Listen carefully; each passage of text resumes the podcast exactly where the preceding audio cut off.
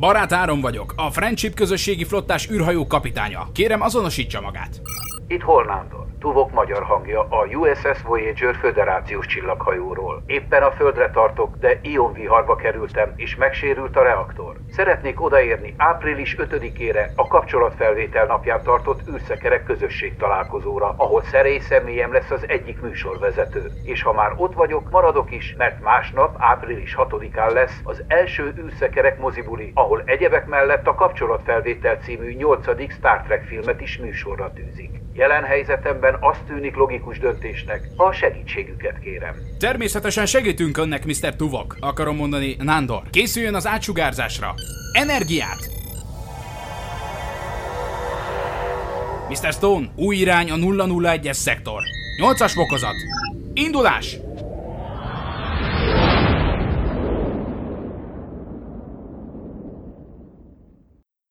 A műsorszám termék megjelenítést tartalmaz. 12 éven aluliak számára nem ajánlott. Az emtv.hu bemutatja.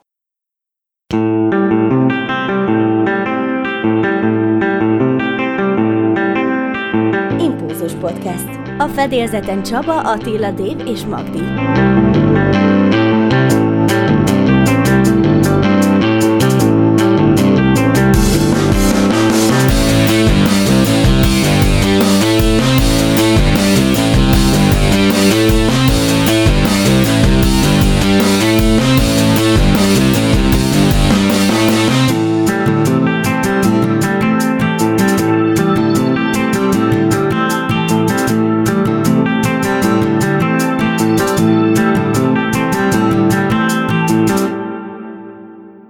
Üdvözletem! Megérkezett a heti impulzus adag, és újra itt van velünk Magdi, de természetesen Dév és Attila is megosztják a gondolataikat. Mielőtt még a heti kibeszélőre rákanyarodunk, nem érdemes elfelejteni, hogy jövő héten ismét láthatjuk a kapcsolatfelvételt a nagyvásznon. Ezzel kapcsolatban az a kérdésem hozzátok, hogy melyik a kedvenc jelenetetek? Jó, Attila, tőled inkább azt kérdezem, hogy melyik a második kedvenc jeleneted? Hát köszönöm, hogy megszólítottál. Egyébként mindenki tudja, hogy mi a kedvenc jelenetem. A második kedvenc jelenetem szerintem a vége. Aki nem látta, az most ö, fogja be a fülét, amikor ö, végül is Picard és ö, Détának a párbeszéde. Amikor mondja Déta, hogy igen, igen, meg lett kísértve, két teljes nanomásodpercig, és az neki az egyik örökövőség. Nekem az egészben ez a második kedvenc jelenetem. Nekem so, sok kedvenc jelenetem van a filmben, egyébként az egyik kedvenc filmem, mert én amikor megnéztem moziban, az nem én moziban láttam, akkor hazamentem és leírtam az egész sztorit. Nem tudom miért, valamiért annyira megragadott a, a történet, hogy, hogy meg akartam jegyezni, hogy akkoriban azért nem lehetett csak úgy hozzáférni újra a filmhez. De egyébként, hát ugye hát én nem tudom, meséltem de hogy én operatőrnek készültem eredetileg, és nekem az a nyitó jelenet az, ami annyira megragadott, amikor a Picard szeméből elindulunk, és akkor így kifelé nyit a, a, az egész borghajóra a, kép, az, az valami fenomenális. És ott egyébként tudjátok, hogy ezt nem digitálisan oldották meg, illetve digitálisan is, de egyébként egy, a, akkoriban a leghosszabb fársint csinálták meg ehhez a jelenethez hogy ki tudják kinyitni az egészet. Hát első számú kedvenc film a Star Trek mozifilmek közül a vége, tehát az, az, az hátborzongató és, és gyönyörű. Amikor Pikár azt mondja Lilinek, hogy iridli azt a kort, amiben él, azt a korszakot, ami akkor kezdődik el, és ugye akkor azt hiszem ki zoomol a kamera, és látjuk ugye távolról ugye az egész helyszínt, és akkor jön a, a nagy főcím, vége zene, és ugye Liné meg azt mondja még a Pikárnak, hogy ő megirigli azt a jövőt, ahová megy. Azt hiszem persze ő mondja először. És tehát én is irigylem mindkettőkort. Lehet, hogy most inkább most abban lennék benne, amikor az egész elkezdődik és fölépítődik, vagy azt nézném végig. Egy ilyen sorozat, Istenem, de jó lett volna. Pont a kapcsolatfelvétel másnapjától indulva.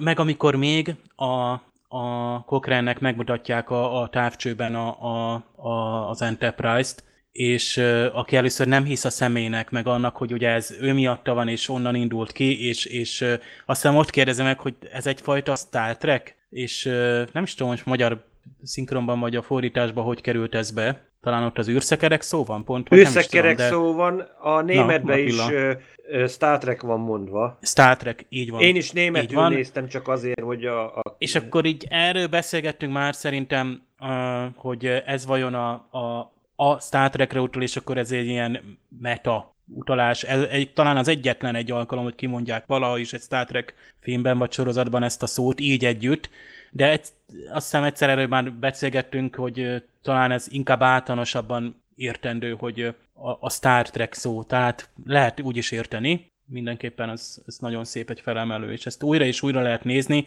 és ezt, ezt moziban nézni, vagy újra nézni, és, és szerintem annyira időtálló még, effektekről beszélt Magdi is, amúgy rengeteg azóta ugye kia- kiadott kiadásokon vannak, DVD meg Blu-ray kiadásokon, ugye, hogy hogy készültek a különböző effektek, azokat is, ha megnézi az ember, hogy hihetetlen Ugye ekkor még rengeteg helyen modellel dolgoztak, de tehát a, a CGI sem szégyenkezhet, és ez még az a nagy film, ami, ami egyszerűen időtálló, és, és moziban is, moziban is megnézendő, és megnézhető még. Valóban ez egy annyira jó film, hogy mi kétszer is beszéltünk róla az Impulzusban. Egyszer Ádámmal, egyszer pedig Megánnal tárgyaltuk ki ennek a filmnek minden részletét, és ott erről a Star Trek-es említésről is külön beszéltünk mindkét adásban. Aki kíváncsi rá, az hallgassa vissza ezeket a felvételeket. Aki viszont a filmre kíváncsi, az jöjjön el velünk szombaton az űrszekerek mozibulira, ahol a nagyvásznon lehet megtekinteni ezt a csodálatos Star Trek filmet. Mi ott leszünk, nézzük meg együtt a kapcsolatfelvételt, és az előtte lévő napon pedig közösség találkozót tartunk, ami a vulkániak érkezését fogja megünnepelni. Van még 44 évünk eddig a kitüntetett eseményig. Gyertek velünk és csapjunk egy hatalmas nagy Star Trek bulit, olyat, amilyet a franchise megérdemel, hiszen itt van velünk már több mint 50 éve Gene Roddenberry víziója, és még mindig tart. És ha már kapcsolatfelvétel napja, akkor ne felejtsük el, hogy a, a filmnek az egyik főszereplője pénteken, azaz március 29-én ünnepelte születésnapját, azaz Diana Troy alakítója Marina Szört is, aki egyébként egy hatalmas epertortával ünnepelt a kedvenc éttermében. Ezt az ünnepet, innen is kívánunk neki még hosszú, eredményes életet, hogy még, mindig, még nagyon sok filmbe fellépésen láthassuk mindannyian.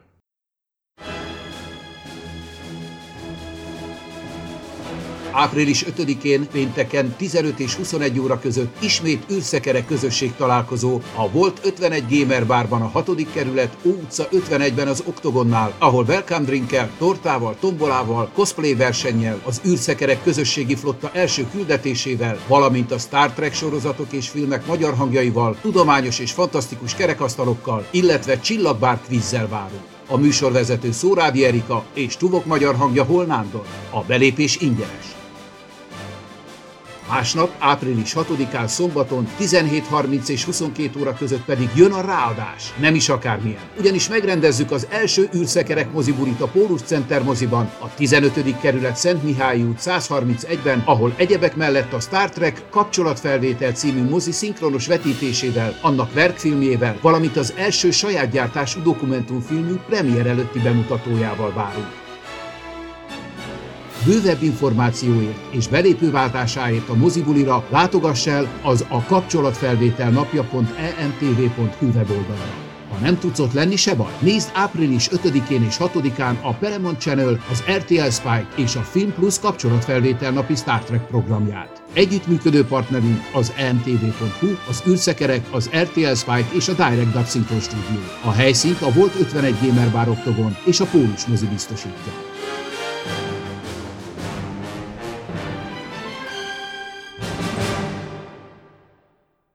Figyelem! A műsorban spoilerek bukkanhatnak fel.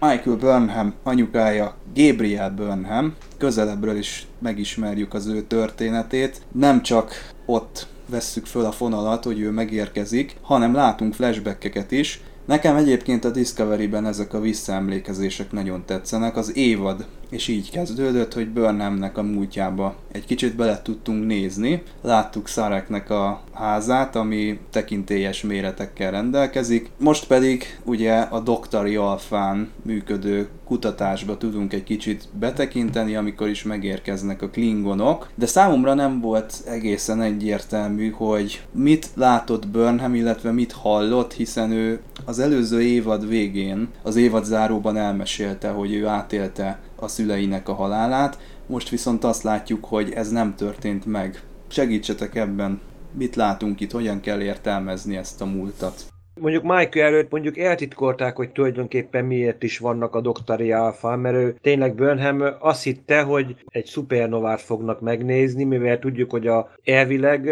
asztrofizikus volt hivatalosan az anyja, az apja pedig xenomorfológus, tehát idegen lényekkel foglalkozott, de közben mérnök is, hogy elvileg ott Burnhamet, ott látjuk a fiatal Burnhamet egyébként, ahogy tényleg ott nagy boldogan ott készülődik, elolvas mindent erről a leendő szupernováról minden, és utána azt látjuk, hogy megérkezik egy Klingon ragadozó madár, és meg, meg akarják szerezni ezt a technológiát, és miközben úgymond bezárja a, bezárják Michael-t a szekrénybe, az apja az ö, megpróbálja feltartóztatni a Klingonokat, addig az anyja pedig hoz egy döntést, egy nehéz döntést, amit lehetne akár vitatni, vagy nem lehet vitatni, de az a lényeg, hogy a kipróbálatlan technológiát, ezt a vörös angyalt, ruhát, ez gyakorlatilag aktiválja az időkristályjal, és elugrik valahova a jövőbe, és az űrbe, és akkor ott tulajdonképpen lát egy jövőt, ami tulajdonképpen a kontrollnak a jövője, hogy a kontroll gyakorlatilag minden élő szervezetet gyakorlatilag kiírtott, mint, a, mint tényleg a Terminátorban a Skynet.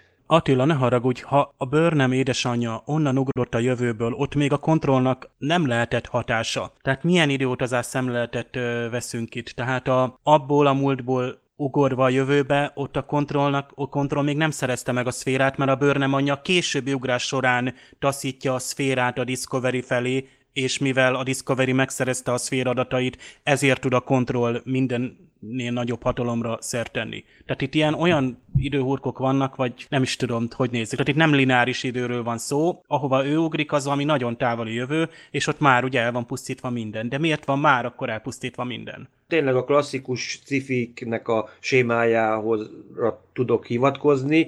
Nagyon sokszor pont az időugró az, aki létrehozza azt a negatív jövőt azzal, hogy ő előre ugrik az időbe, vagy va- tehát lehet, hogy éppenség az időhuroknak, lehet, hogy nem Michael tulajdonképpen a fókusz, hanem éppen azért, mert aktiválva lett a vörös angyal, hogy valamiért Köszönöm, tökéletes. Létre... Ezt elfogadom, ezt százszerzalék, ezt így már értem. Jó, Tehát nem kellett volna ez... az anyjának ugrani, csak egy órát akart visszaugrani, hogy elvigye onnan Igen, de közben a, meg a, a meg ugrott. Így van. Jó, azt és én sem értem, hogy miért máshova, de... Máshova és másmikorra, ez is egy ilyen klasszikus, egyébként az időugrásoknál, hogyha bármelyik klasszikus időutazó filmet nézzük, nagyon sokan egyébként látom így az interneten, hogy mindig az időkristály miatt vannak itt negatív kritikák. Erre mondjuk szeretnék valamennyire reagálni, időkristály, rendben van. Tudjuk, hogy a Star Trekben számos más variáció is van arra, hogy hogyan utazzunk az időben. Ostorcsapás effektus, vagy egy csillagnak a gravitációs terét kihasználjuk. Ez mondjuk, ezt érdekes módon a Gömb című filmben, amit Michael Crichton forgatókönyvet és a magát a regényt írta. Ott Nekem is nagyon nagy kedvenc, egy fekete... imádom, a, abban lévő időutazást Én... imádom. Tehát az, az, vagy ott is valami idő... hasonlót, ugyanúgy, a, ugyanúgy tulajdonképpen ezt az Einstein relativitás elméletet jobban kibontsák, főleg a, a könyvben, tehát érdemes elolvasni, vagy akkor transportert használnak, akkor látjuk a Voyager-be, amikor tulajdonképpen itt egy, ott egy időutazás és térutazás is, mert gyakorlatilag az alfa, alfa beta kvadráns peremérő ugrik időben vissza Janeway, ráadásul vissza delta kvadránsba is. Tehát számos lehetőség van. Erre mindig a történelmet tudom felhozni, hogy miért pont időkristály. Aki ismeri az első világháború történelmét, tengeralattjárókat tudom felhozni példának. A modern dízel motorokat egyedül a német haditengerészet használta. Rudolf Diesel megalkotta ezt a megbízható és viszonylag jó hatásfokú motortípust, amit a ném, ami gyakorlatilag nagyon sokáig a német haditengerészet a tengeralattjáróknak mondjuk viszonylagos fölény biztosított. Az, hogy most más katonai témában mondjuk elmaradtak számosokból, az most szerintem most nem lényeges az szem, ebből a szempontból, hanem az a lényeg, hogy addig a más hatalmak gyakorlatilag petróleummal, Otto motorok, gőz, még akár gőzgépekkel hajtott tengeralattjárók voltak. És az első világháború lezárása után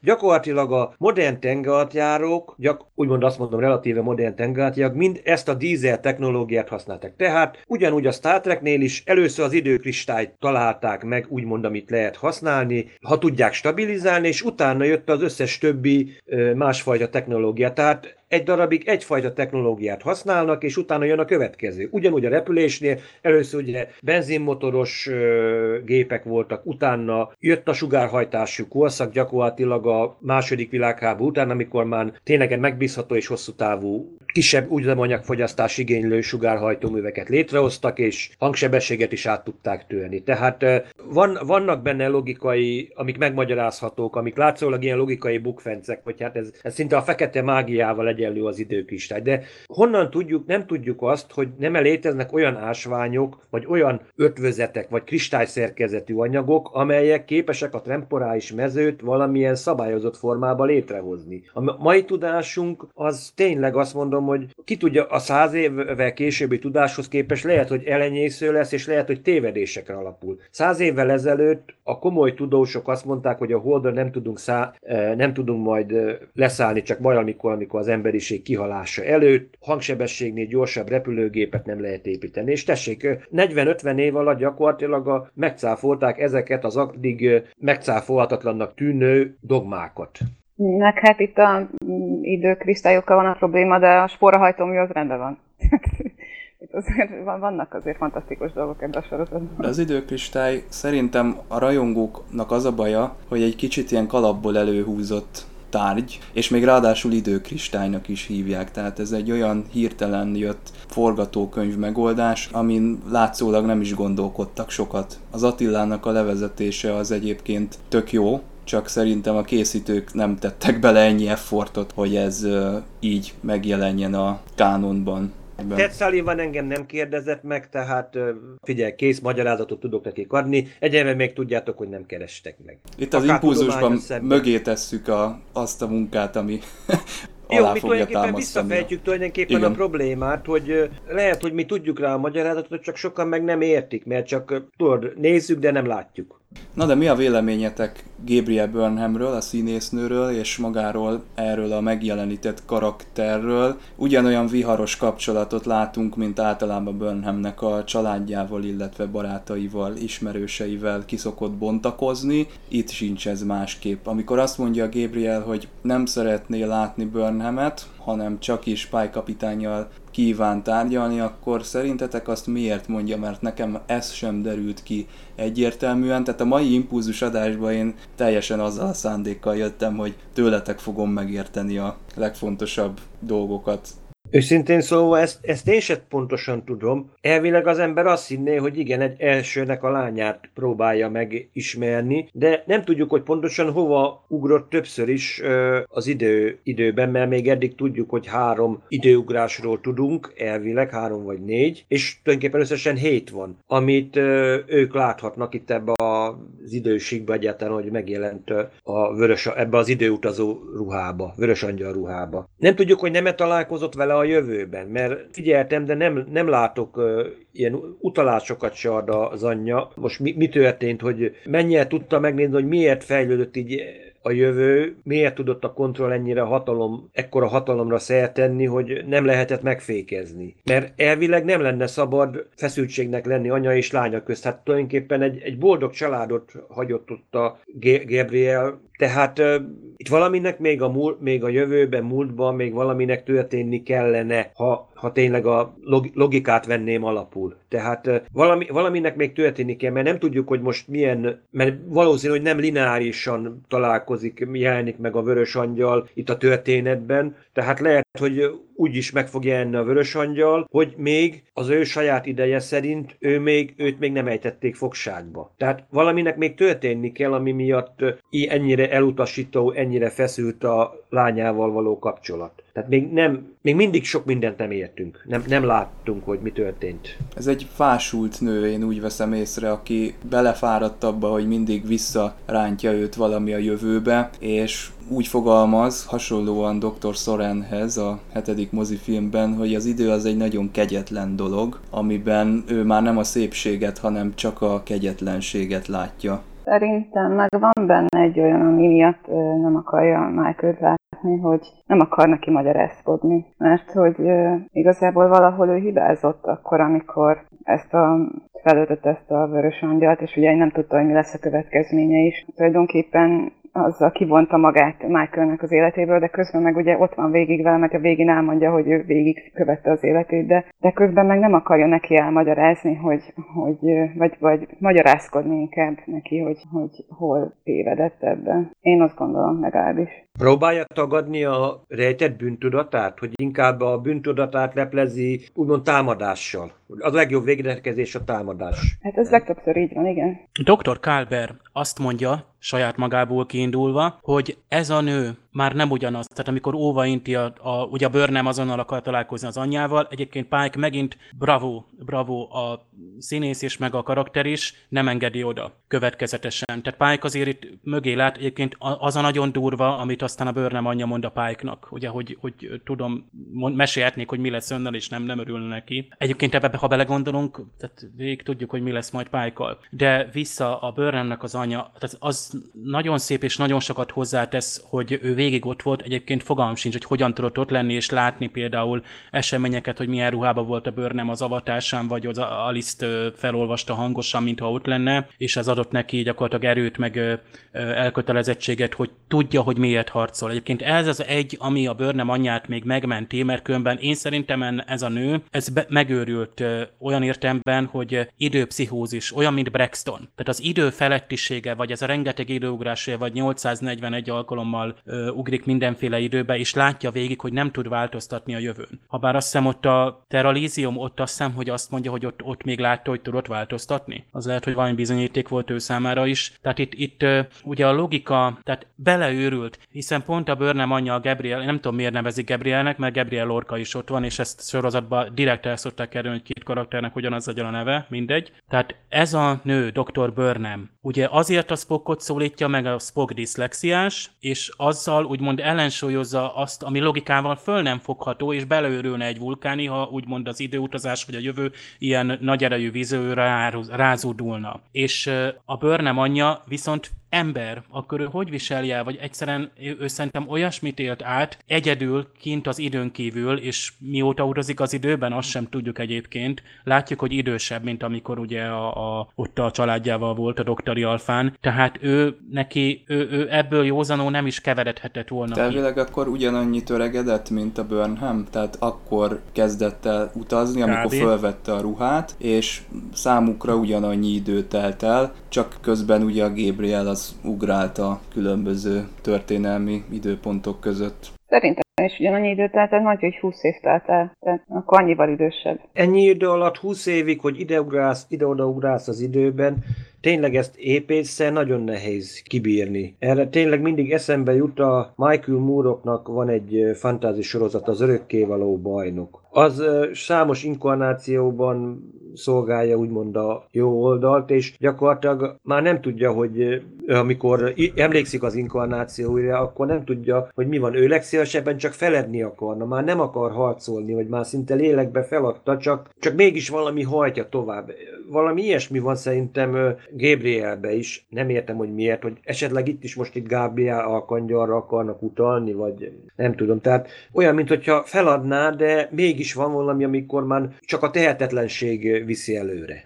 Meg nem tudom, említettem nektek, de nekem ugye az időutazás az egyik kedvenc témaköröm Stifiben, és az időutazó felesége az egyik kedvenc regényem. És abban is a, az időutazó ugye nem tudja befolyásolni a saját időugrásait. Neki az első időugrása az, amikor az anyja meghal, és megpróbálja több százszor megmenteni az anyját, de nem tudja, rájön egy idő után, hogy hiába ugrik vissza oda az időbe, képtelen rá, tehát ezt nem tudja megváltoztatni és amikor összeismerkedik a későbbi feleségével, akkor az az egy pont, ami stabil neki az egész időben, mert egyébként meg össze-vissza csapong. És én azt gondolom, hogy egy kicsit így van uh, Gabriel is, hogy, hogy az egyetlen stabil pontja Michael, aki, aki az időben egyáltalán számít neki valamit, hiszen mindig mondja, kinek is mondja azt, hogy, hogy, hogy maga már csak egy szellem számomra. Uh, és, uh, és ennek ellenére Michael mégsem az neki. Tehát Michael azt élő, valóságos Szerintem ő ilyen képek úgy éli meg a világot, mint hogyha egy képes albumot nézne, hiszen ő egy kopár helyre megy vissza, mindig újra és újra oda tér vissza, ahol már senki nincsen.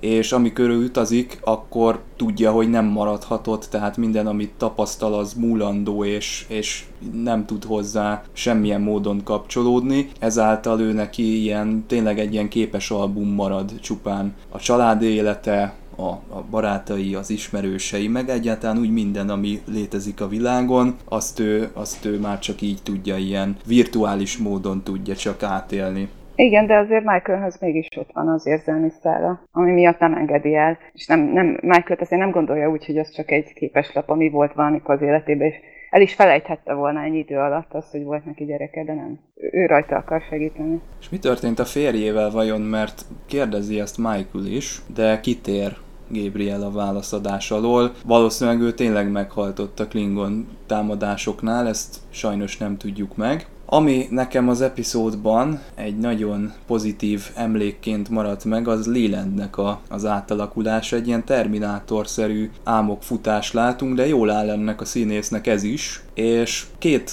karaktert próbál megkísérteni. Az egyik az a Tyler, a másik a Giorgio, és érdekes látni, ahogy a Giorgio-nak a hatalomvágyára játszik rá, meg a hiúságára, hogy addig, amíg a kontroll létezik, addig ő nem lehet a number one pusztító hölgy ebben a ebben a galaxisban, és érdekes látni a George-nak az arcát, hogy egy ilyen hülye szöveggel jön a Liland, illetve maga a kontroll, ha úgy tetszik, és mégis ugye látjuk az arcán, hogy mennyire hízeleg neki ez a, ez a fajta stílus. Egyébként ez a, ez a mesterséges lény hekkel meg egy biológiai rendszer, ez kicsit érdekes. Ha jól láttam, akkor az epizód elején ilyen nanoszondákat juttat be a bőre alá a Lilednek. Ez ilyen Borg technológiára hasonlít vajon? Hogy kell ezt szerintetek értelmeznünk? Biztos, hogy ez valami hasonlít a Borg technológiához. Itt nekem egy másik analógia jutott eszembe egyébként, hogy néztem, amikor először látjuk, hogy hologramba megjelenik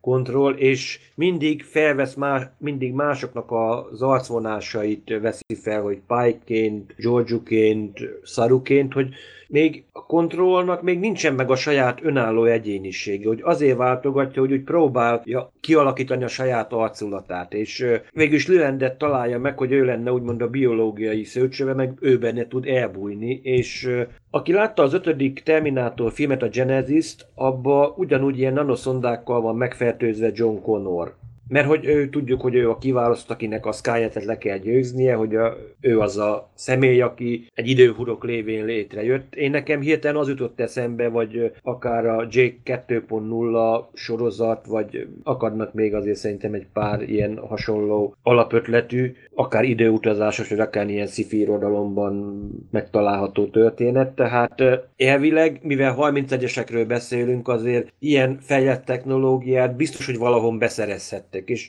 éppen emiatt kontroll meg tudta szerezni, és felhasználni, esetleg akár módosítani is, ha más nem átprogramozni, mert ezt úgy semmiből nem tudja kontroll létrehozni. Maximum ő csak programozni tud. És mint ahogy gyanítottam, hogy ha, ha nem öli meg Lilandet, az azt jelenti, hogy azon a hajón kontroll még mindig ott van és ezek szerint tényleg akkor a, víru, a vírusírtás hatástalan volt, mert lehet, hogy éppenséggel maga kontrollírta azokat a vírusírtó programokat is. De érdekes egyébként tényleg, hogy Liland, Liland kontrollnak azért egy olyan álmokfutásnak láthatjuk a kezdetét, ami, ami lehet, hogy tényleg eljut odáig, hogy ha nem fékezik meg, amit a sötét jövőben látott Burnhamnek az anyja. A Dr. Burnham, amikor a Filippa George-val beszél, akkor azt mondja neki, hogy ugye a Liland fenyegetést lát ő benne. Ugye egy Egyébként a, a Dr. Burnham teljesen természetes, hogy a, a George-ot is ismeri, meg az egész a tüköruniverzum, tehát semmi nem új neki, mert már ugye annyi minden, tehát az a 800 valány ugrás során mennyi mindent megtudott, tehát őnek is már hatalmas a tudása. Na de amikor a, a Giorgio-val beszél, és ugye ők hát gyakorlatilag ők bizonyos értelme mind a ketten Burnhamnek a ilyen anyai szerepben vannak Burnhammel szemben, hogy egy szóba kerül például Giorgio megmentése, vagy hogy Giorgio is megmentette már Burnhamet. Tehát igazából itt, itt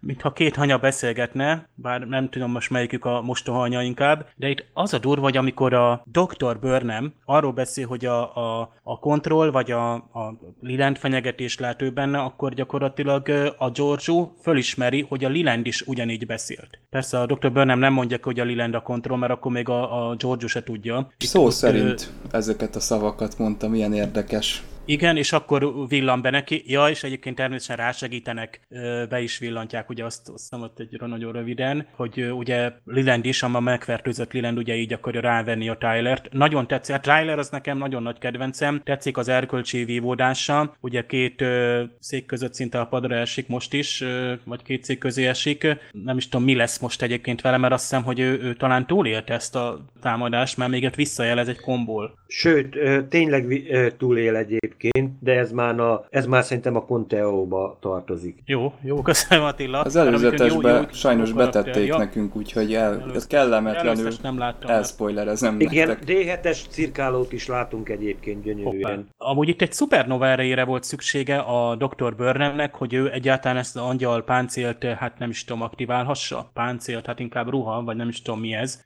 Akkor ezek szerint ő neki minden alkalommal ugráskor ilyen hatalmas, mert az időkristály, az most lépjünk át rajta, és ez egy dolog, az csak gyakorlatilag a, gondolom a temporális, ott nem is tudom, volt valami olyan bonyolult magyarázat már a végén erre az időbeli tehát főleg a Stamets, amikor ő bekapcsolódik, tehát amikor Stamets meg Tilly ugye bekapcsolódik, és tudományos hát, tézéseket dobálgatnak, és hogy hogy próbálják ugye itt sötét anyag transporterrel a mi téridőnkbe sugározni a, a bőrnemnek az anyját, tehát ott azt is még föl kell dolgoznom, de ugye a hatalmas energia, ami ugye a páncél vagy a ruha használatához szükséges, azt honnan veszi mindig ő? De az hát, a ruha használatához szükséges, mert én úgy értelmeztem, hogy az a hatalmas energia, amire a Stamets hivatkozik, az ahhoz kell, hogy kiszakítsák őt ebből az időcsapdából, mert a, a jövő, mint egy ilyen gumikötél visszahúzza őt, és amikor a Stamets megszólalott a gépházban, akkor arra vonatkozóan ad egy tervet, hogy hogyan szakítsák el, ahhoz, hogy ő itt maradjon, ugye az anyuka, ahhoz egy ilyen szupernovának a, az energiájára lenne szükség. Tehát maguk az ugrások szerintem nem igényelnek ilyen energia felhasználást. A szupernovával indult az egész. Tehát a, igen? a doktori alfán, igen, Tehát az, az, azt az energiát meg. használta föl a, az ugráshoz? Pontosan. Tehát ott ugye a, a Burnhamnek a, a, az anyukája egy ilyen monológot mond, hogy most jön a szupernova, és most már az energia elégséges az első ugrást végrehajtani, a kristály már stabil, és akkor ugye nyilván a, a kis Michael-t meg inkább a szupernova nyűgözi le, és akkor ugye akkor jönnek a klingonok.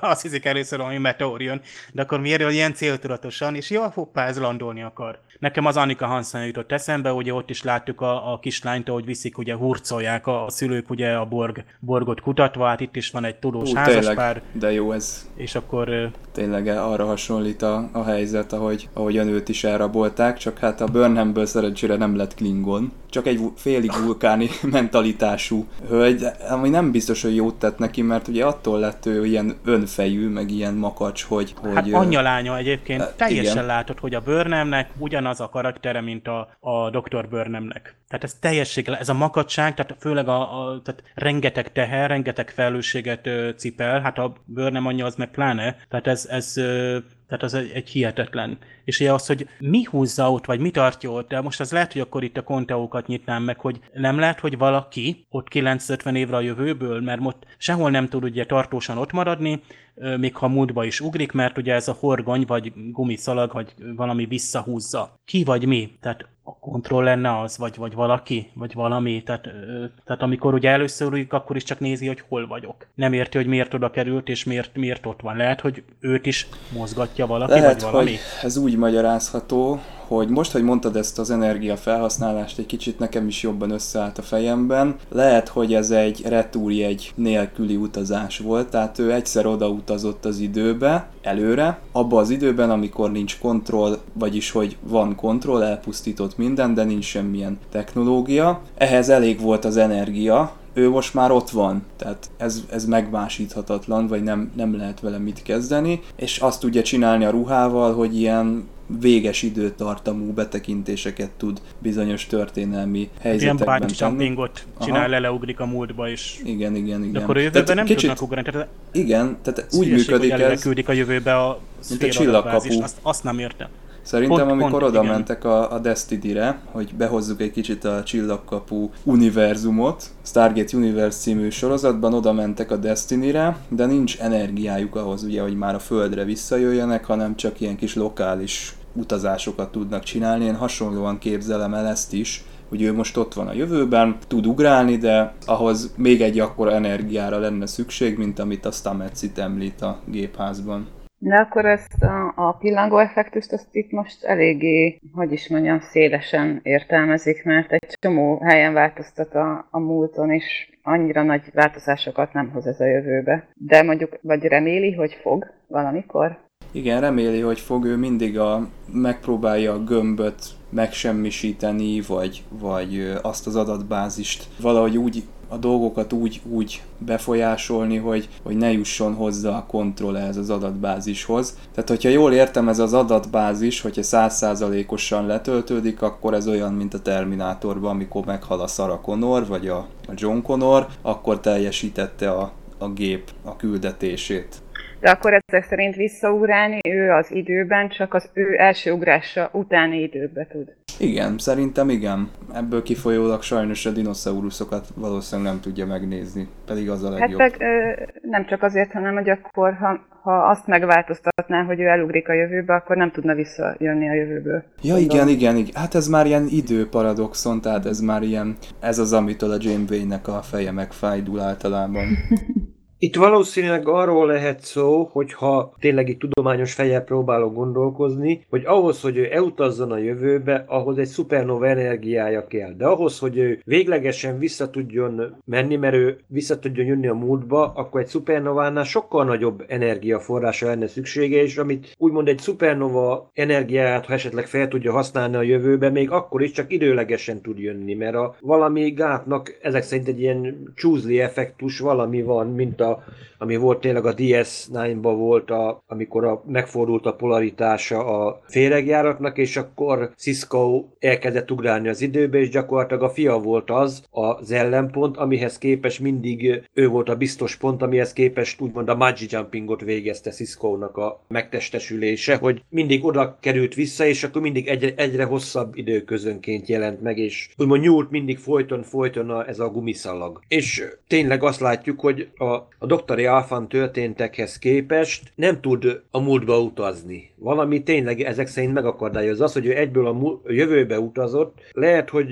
itt tényleg van valami időfizikai probléma, hogy múltba könnyebb utazni, mint mondjuk az, hogy innen utazzunk a jövőbe, mert akkor a jövőbe való áthelyeződés olyan problémát okoz, hogy nem tudsz tartósan megmaradni a múltba utána. Mondjuk eddig a Star Trekben ilyen nem fordult elő, de mondjuk érdekes elmélet. Van, van benne némi logika, hogy ezzel ki lehet kerülni néhány buktatót, mert akkor az azt jelentené, hogy akár a 31-es szekció is, hogyha megszerzi a, ezt a technológiát, elutazunk a jövőbe, megszerezzük a két vagy 300 vagy 500 évvel ezelőtti technikát, és akkor nyugodtan vissza tudunk jönni a múltba, és ez megint egy olyan, olyan időhurkot hozna létre, hogy tényleg az univerzumot meg lehetne vele semmisíteni. Ez a szféra vagy gömb, most e körül forog végül is az egész másik évad, hogy ennek a tudásából egy mesterséges intelligencia fogta magát és fölfejlődött, és a jövőben olyan hatalmas lett, hogy gyakorlatilag elpusztítja az élőlényeket a kvadránsban vagy az univerzumban. Tehát itt voltak éppen ugye Burnham, a Dr. Burnham is azt mondja, hogy ugye ő ezt a gömböt nem tudta elpusztítani, és akkor inkább a Discovery-nek az útjába sodorta, vagy nem tudom, tehát ott a Discovery-t oda csalogatta, ugye, ugye, akkor is, és akkor ugye, hogy, hogy megvédjék ők azt a tudást. Tehát honnan vette ő azt, hogy majd a csillaghajó, a Discovery meg tudja menteni, a, vagy meg tudja védeni a gömbnek a tudását. Ez érdekes, mert ő most azt mondja, hogy ezekhez most a vörös... Igen, például. de ahogy oda csalogatta, mert most ő mintha azt mondta volna az epizódban, hogy neki ezekhez a vörös jelenségekhez nincsen köze, és hogy nem tudja, hogy mi az. Hát ez elég gyanús. Egyébként Igen, most de a Lilandnek én elhittem, hogy Liland azt mondja a Tylernek, hogy vigyázzatok, ez lehet, hogy nem is az igazi Dr. Burnham, mert lehet, hogy valami genetikus replikáns, vagy valami trójai ló, pedig akkor már a Lilandet ugye a kontroll vezéli, de valahogy nekem szöget ütött a fejembe, hogy te jó ég, mi van, ha a Burnham anyja nem egészen az, aki. Tehát ugye én például a Spocktól is megrémültem az epizód végén. Én szó szerint, mert ugye a, a, a kontroll, amikor megszállja a Lilandet, azt mondja, hogy ő bármilyen holgalaktikus figurát föl tud venni, ott a szaruként is ott tetszeleg előtte, de aztán azt mondja, hogy ő neki testre van szüksége és arcra. Egyébként természetesen, természetesen a Lilennek az arca időnként így elváltozik, nyilván, hogy minél Már majdnem látványosabb legyen. meglátja a Tyler egyszer, hogy elmorfolódott az arca, De várjál, gyorsan... Tyler meg is látja. Igen? Tyler meglátja, hogy a Liland, hát szét van esve a Liland arca, amikor a, Ja, Tyler, hát amikor már a bemegy a George meg a. Tyler már együtt Igen. dolgozik, úgymond, akkor már tehát meg, megpróbálják ugye megbuktatni a Lilandet, úgymond rájönnek, hogy valami gyanús van, és a Tyler csak rá akar nézni a Lilandre, hogy éppen mit makinál, és akkor látja, hogy az arca kicsit szét van már esve. És akkor, akkor ugye történik az a merénylet. De itt ugye az van, hogy a, a Liland, tehát itt, itt megpróbál gyanút kell, tehát itt, itt a Lilandnek az erkölcsi gyengességét nagyszerűen fel tudja használni a kontroll. Tehát manipulálja, bár igazából tök mindegy, átvette volna Pike-ot is. A kontroll itt arról beszél, azt hiszem még azt talán a Saru mondja, hogy mennyi több ezer csillaghajó van szerte a kvadránsban, és gyakorlatilag az utasításnak a láncába simán ő be tudná állni, mert ö, ugyanúgy, hogy a patárnak az alakját is átvette, és mindenki hit neki. Már ha egy admirális áll előtted holografikusan, akkor hisznek neked. Most akkor ugye persze most fölvette a, a, a tehát átvette a Lilennek a testét, de csak az övét tudja irányítani.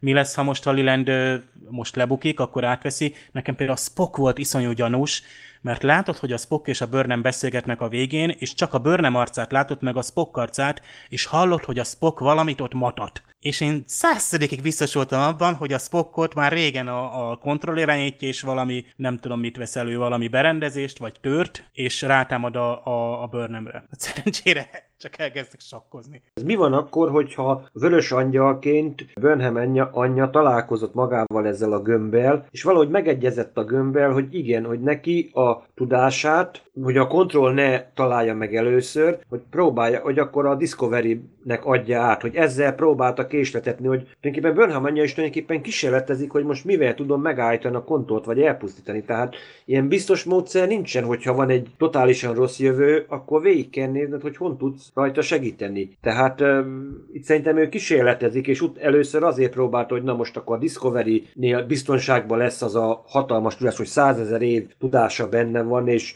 tulajdonképpen krízis helyzetek megoldása gyakorlatilag kilistázva, mint hogyha egy nagy komputerprogram lenne, amit a kontroll magából olvaszt, akkor látja, hogy hopp, hopp, ilyen problémám van, na nézzük csak, hogy ezen és ezen a bolygón hogy oldották meg, és akkor... Big, big data. a- Igen. Ezt, ezt csinálják most, és az a legértékesebb, hogy óriási adatokba tudsz Igen. Keresgélni, meg bányászni.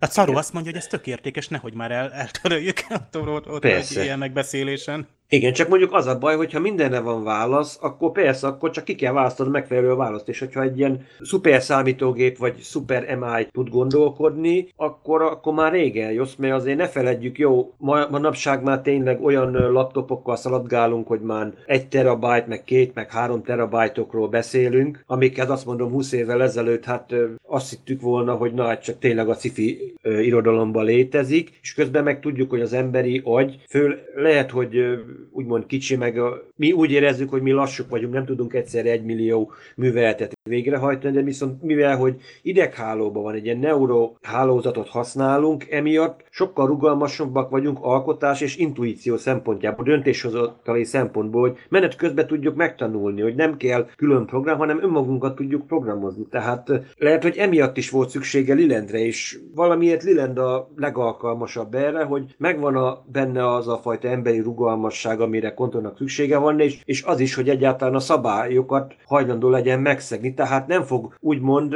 ö, tudatalatti szinten ellenállni kontrollnak, még akkor sem, amikor már tele van nyomva adoszondával. Igen, és ráadásul a Liland az határmesdjén mozog, úgyhogy ő hihető, hogy ilyen parancsokat ad ki. Tehát jó pozícióban van ahhoz, hogy ő legyen a kontroll, és hogy ő tudja az eseményeket befolyásolni.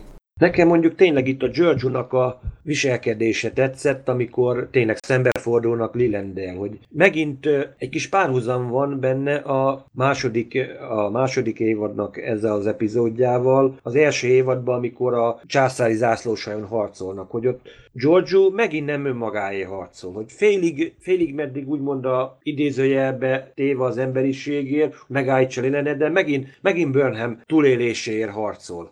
Ne, nem csak azért akarja meg, megsemmisíteni Lilendet, mert fenyegetés jelent, akár az ő saját önző vágyaira, hanem mert fenyegeti Michael-t. Tehát még mindig van benne, ahogy Darth Vaderre szokták mondani, van benne még valami jó. Van benne olyan pozitív érzés, amit, ami esetleg abban megakadályozza, hogy rosszat cselekedjen, mégis szembeszálljon olyasmivel, ami, ami már neki is túl gonosz. Tehát ne, nekem ez nagyon tetszett, és hát reméljük, hogy azért túlélik ezt a fotontorpedó robbantást, hát mert különben akkor nem lenne 31-es sorozat.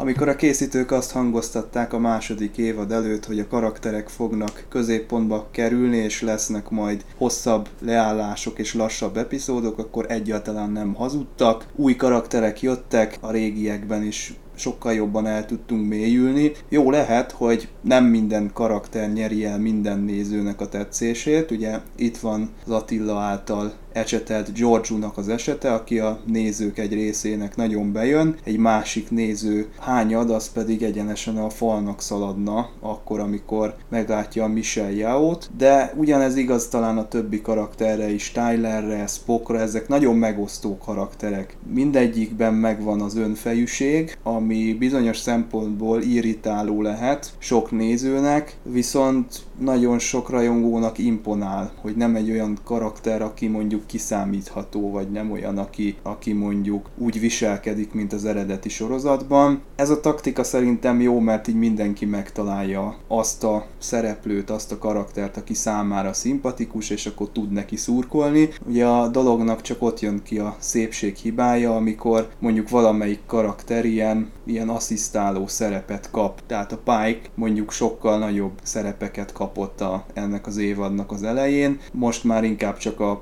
parancsokat adja ki, és, és csak reakciókra van idő. Ugyanígy most úgy érzem kicsit a Spock is háttérbe került, azért próbáltak ebben az epizódban is az ő lelki világából is kiemelni egy-két dolgot, de ez a rész egyértelműen Burnhamről és az ő édesanyjáról szólt, ami nem baj egyébként, mert azt jól bemutatta, megint egy ilyen hullámzó kapcsolatot láttunk kibontakozni, és a végén egy fájdalmas búcsút is átélhettünk, amiben benne van a folytatásnak a lehetősége, de az is bőven benne van, hogy soha többé nem látjuk már majd ezt a karaktert.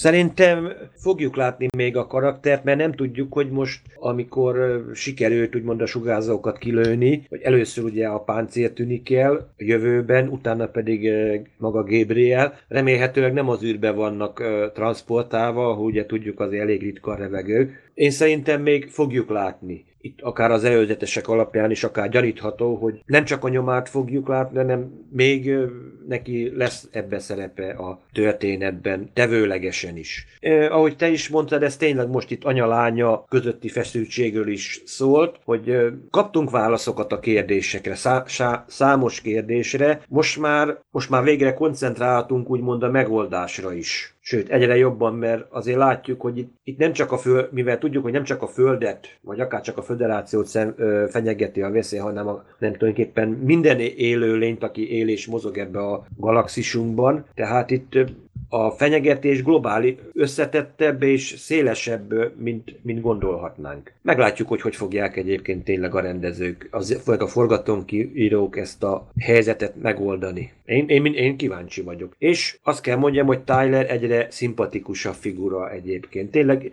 nekem egy kicsit kezd hasonlítani egyébként Worfnak a karakteréhez, hogy valahogy tényleg ez a, ez a kicsit kívülálló, de mégis a csapatnak a tagja. Hát azért tegyük hozzá női szemmel, hogy Tyler az kifejezetten egy jó pasi, tehát és én kedvelem, amikor föltűnik azért a történetbe, vizuálisan is. Magdi, a szakállas. Tyler neked most őszintén jobb a szakállas Tyler, vagy mit, mit, mit mondasz erre kapcsolatban? Jobb. Igen. Mert amúgy Soka, színészként, tehát a karakter, vagy mondjam, mindenképpen nézve, szerintem, szerintem pont azt karaktervonásban valahogy a szakál azt jelenti meg, hogy Tyler most már a saját lábán áll és saját döntéseket hoz. Tehát saját önként úgymond hisz a 31 szekcióban is, de itt tud ellene is dönteni. Tehát a szakál azért egyenlő autonómia? Megjeleníti szerintem egy kicsit, kicsit Rikernél is. Ez volt a szintlépés. Egyébként és Spocknál? Em, emlé, erre eszembe jut egy... azt szerint egy tükör. Figyelj, erről eszembe jut tényleg egy TNG epizód, amikor egyszer kipróbálta a Data is a szakállat, és akkor oh, nézegeti magát, és nézi, hogy azt mondja, a szakáll olyan intellektuális külsőt kölcsönöz neki, hát tényleg ott mindenki ott a háttérben ott nevet, hogy most nem tudom, hogy ez valódi nevetés volt, vagy műnevetés, de tényleg én is azon gondolkoztam, hogy úristen, mondom, hát ez tényleg de nem. azt mondja, hogy nem hisz a szakállas férfiaknak, mert a pókerben is például akkor blöfölnek. Hát de figyelj, akkor azért kell magunk mellé venni egy telepatát, vagy mit tudom én, egy betazoidot, és akkor, ak- akkor megnehezítjük a dolgát, hogy akkor tényleg piszkos trükkök és piszkos gondolatokat kell alkalmaznia, tehát mindenre van megoldás. De hát na, jó, én, ne, én nem értem a nőket. Na, női szemmel azt mondom, hogy a szakál az férfias, tehát most így, én vagyok most itt a női nemnek a képviselője, hadd mondjam el ezt, hogy szerintem jól néz ki. A Spocknál érdekes, én szerintem ott inkább azért használ, tehát azért szakállas a figura, mert azt akarják vele kifejezni, hogy nem, ez nem az a Spock, akit mi ismerünk még, és inkább ezért, inkább ilyen elidegenítés, meg kicsit takarja ugye az arcát, nem látszik annyira az sem, hogy mennyire hasonlít, vagy nem hasonlít Leonard Nimoyra szerintem. Én nekem van egy ilyen érzésemben, hogy ez a design oldal, aztán persze meg lehet filozofálni, hogy a történet szerint miért szakállas, de az emlékeztek, hogy a, mikor mondja, nem is tudom melyik részben volt, hogy Michael, amikor beszélget, és mondja, hogy lényeges kérdéseket tegyen fel, és mondja, hogy miért gondolod, hogy jól áll neked a szakál. Ez azért annyira aranyos volt. De a Tylernek kifejezetten Szerintem so- sokkal jobban néz ki szakál, meg ezzel a kicsit ilyen kócos haja, nagyon, nagyon jó. Tehát ez a konklúziója a mai epizódnak. Abszolút. Hát ha már ennyire belekérdeztetek el, csak így ki akartam térni egy pillanatra. De egyébként a pályákra még áttérve, hogy mondtad, hogy meg mostanában már kevesebbet szerepel az elején, meg inkább többet, hogy hát azt tudjuk, hogy nem lesz a következő évadban már benne, tehát szerintem őt szépen lassan így elsimítják így az epizódokban, tehát mert őnek nincs akkor a szerepe ezekben, úgyhogy majd, majd meglátjuk, hogy ki lesz a következő kapitány, arra én nagyon kíváncsi vagyok, hogy mit fognak ebbe dönteni. Hogy Spock menne lesz a következő évadban, az is érdekes kérdés, mert ugye, hogyha Pike visszamegy az Enterprise-ra, akkor logikus lenne, hogy ilyen vulkáni szó használjak, hogy a Spock is vele megy, mert ugye akkor térnénk vissza a kánonhoz. De hát, hogyha a Michael marad, akkor azért Spockkal kapcsolatba kellene valamilyen szinten maradnia, gondolom, ha csak nem csak a vörös angyalra tért ki ez az egész kapcsolatuknak a földolgozása. Ezt így nem lehet tudni. A George-ra meg azt szeretném mondani, hogy Egyébként én sem szimpatizálok Giorgio-val, már hogy, és nem csak a szerepe miatt, hanem úgy valahogy a karakter nem tetszett nekem. Nem tudom, hogy nektek ennyire zavaró, nekem rettenetesen zavar a kiejtése. Olyan pössze vagy, én nem is tudom. Nem szeretem, amikor beszél. Tehát lehet, hogy még nekem az még hozzátesz a negatívumhoz, hogy, hogy nem, nem, valahogy nem tetszik a, a Olyan arrogáns, affektáló, nem? Mondjuk. E, igen, igen. De olyan Azért emlékezz, amikor Stametszel, meg előző részben is, nincs csak Stametszel, meg Carberra, hogy beszélget, hát komolyan, ahogy hogy körbejárja őket, mint tényleg a prédáta a farkas, hát az Nekem az komikus volt az a jelenet inkább. Igen, hogy na apuci, amikor Kábet leapucizza, hát az tényleg, ja, ameg ott tényleg Stamets se tudja mit csináljon, hogy az elmenekült volna. Hát, hát meg ahogy beszól a Tilinek is, hogy vöröske vagy mit van neki, azért igen, tehát hogy eléggé ilyen, nem is tudom, szóval, hát arra igen, minden olyan, nem is tudom, kötözködős inkább. Igen. Kötözködős. Hát, De ö, viszont ö, azt azért el kell ismernem, hogy karakterfejlődése neki elég nagy. Tehát azért, ahogy most úgy a Burnhamhez viszonyul, amiket tett most, az, az, azok azért egy kicsit billentettek nálam a mérlegen abba, hogy végül is van ebbe a karakterbe is valami. Én, én azt nem látom még benne, hogy ő egy sorozatot el fog vinni a hátán, ezt én még nem, nem, nem tudom belelátni.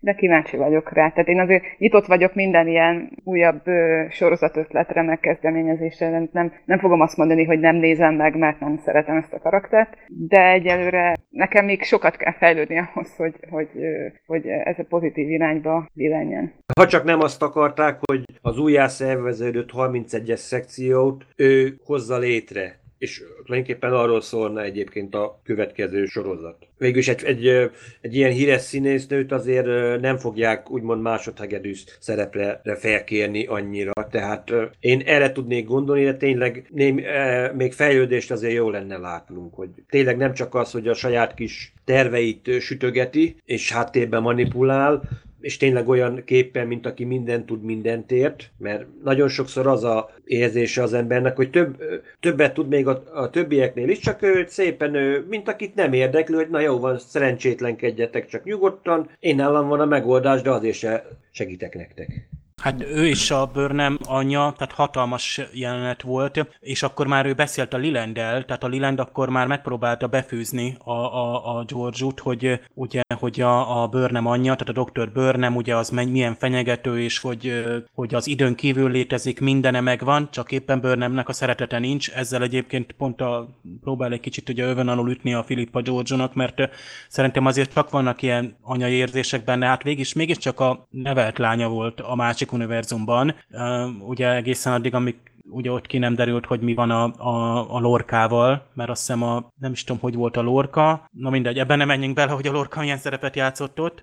Mm, én egyelőre én sem látom, hogy a, a Michelle Yeo elvinne hátán egy új sorozatot. Ha Tyler ott lesz, akkor rendben lesz, ő egy nagyon jó figura lenne oda abba az új sorozatba, viszont hát a Lilandet, hát valószínűleg ő most a főgonosz. Egyébként ez nekem most egy picit zavar, hogy van most egy darab emberi főgonoszunk, igaz, hogy egy szuper intelligencia által megszállva, de ez kicsit zavar, hogy erre fog kimenni, hogy majd ilyen jön a Michel Yeo és lerúgja Lilent fejét, és, és kész, akkor legyőzzük a kontrollt. Tehát majd ezt, ezt Attila, ahogy mondtad, hogy itt már mindent tudunk, egyébként meg is maradhatnánk itt, ne kelljen most már még nagyobb plotokat és még nagyobb és még durvább háttérsztorit adni, ez már bőven elég, telítettek vagyunk. Egyébként 48 perc alatt, tehát az ember nem, olyan sok párbeszéd van, olyan sűrű az epizód, hogy ez, ez 90 percbe kéne. Tehát az ember már komolyan, én abszolút nem vagyok az, de már vágytam egy kis akcióra, hogy, hogy pihenjünk már, vagy szusztanjunk, mert már nem győzöm kapkodni a fejem, plusz még feliratot is olvasni. Tehát ez, ez nagyon sűrű. Itt küldöm egyébként üdvözetemet, aki fordítja, mert nagyon jól csinál, és nagyon szerintem dupla annyi szöveg van, mint egy átlagos uh, ilyen sorozatban. Uh, vissza oda, hogy a, a, mi lesz a kimenetele a következő, és most már tényleg következik, bizony hihetetlen, az utolsó négy rész következik, és bizony Alex Kurtzman üzent nekünk méghozzá a Festről az elmúlt hétvégén, méghozzá azt üzente, hogy minden kérdéssel és kritikával tisztában van, hogy a spórahajtó sosem létezett, hogy a Discovery sosem említik, mindezen dolgokat ahol tisztában van, és válaszokat fogunk kapni. Jó, és Anthony Rapp ezt a marketing szöveget annyiban egy kicsit aláfestette, hogy ő neki egyébként sokkal jobban hiszünk ebből a szempontból. Ő azt mondja, hogy ő se látta még az összes részt, mármint az utolsó részeket. Én szerintem a színészek se látják, tehát a véglegesen vágott verziót ők is csak akkor látják. Ez tavaly kiderült, amikor volt az After Track, hogy ők is akkor látták a végleges változtakat, amikor bemutatták a, a tévébe, vagy a, tudjátok. Ez abszolút és, így van egyébként, mert tényleg Rekha Sharma, aki egyébként Landit alakította, hát ő meg volt tényleg döbbenve, hogy na, harmadik, tudta, hogy harmadik epizódban már ki is nyír, negyedikben hogy... egyből ki is nyírnak, hát mi ez? Hát tényleg ott akkor... azt se tudta, hogy mi, mit mondjon. Ugyan megmondták neki, hogy visszatér, na mindegy. Igen. Uh, tehát a Anthony Rapp is csak azt látja, viszont a forgatókönyveket olvasta. Nyilván a párbeszédeket, azokat tehát eljátszotta, ugye ő már 15. részt leforgatta, és azt mondta Anthony Rapp a múlt kéten, hogy, hogy nagyon sok ember számára lezárul ez a kör az utolsó részekben, hogy hogyan illik a, a, a Star Trek Discovery a, a, a kánonba, és rengeteg ember boldoggá tesz és elégedetté az a megoldás, tehát ő már azt mondja, hogy ő maga is fontosnak tartja a kánont, és egyszerűen, ha az a megoldás, amit föl fognak kínálni, az, az a évad végén nem teszi boldoggá ezeket az embereket, akkor már nem tudja, hogy mit tehetnének. Reméljük, hogy nem az lesz a végső konklúzió, hogy lekapcsolják a holofedélzetet, mert ez egy, egy sci regény volt, egy holoregény az egész. Riker nézte az egészet a Pegasus című epizódban, de azt hiszem, hogy ezt már láttuk. Dave, ha már említetted, hogy Alex Kurtzman üzent nekünk, én is üzenek neki, hogy jöjjön elő is, a közösség találkozónkra, illetve az űrszekerek mozibulira, ahol megtekinthetné a nyolcadik mozifilmet, és így tudnának felkészülni a Picard sorozatra, egy kis ismétlés a karakternek a múltjából. De ha Kurtzman nem is jön, kedves hallgatók, ti mindenképpen gyertek el hozzánk, pénteken és szombaton hatalmas Star Trek buli lesz, méltó módon fogjuk a kapcsolatfelvétel napját megünnepelni, és impulzus kerekasztal is lesz, ahol Szélesi Sándorral fogunk beszélgetni, de természetesen a szokásos programjainkra is sor kerül, Parallaxis és médiazabálók a meghívott színművészekkel, de természetesen, ahogy mondtam, ez a mozi fogja megkoronázni az egész rendezvényt. Jövő héten újra találkozunk, sziasztok!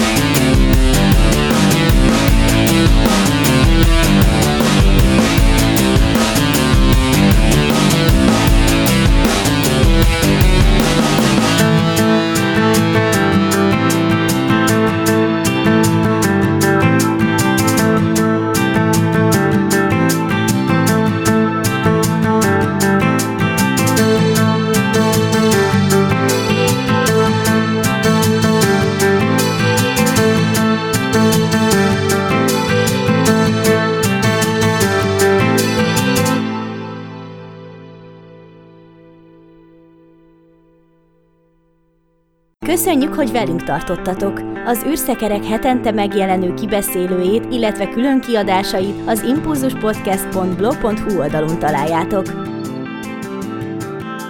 Az emtv.hu megbízásából készítette az Impulzus Produkció. Produkciós vezető Farkas Csaba.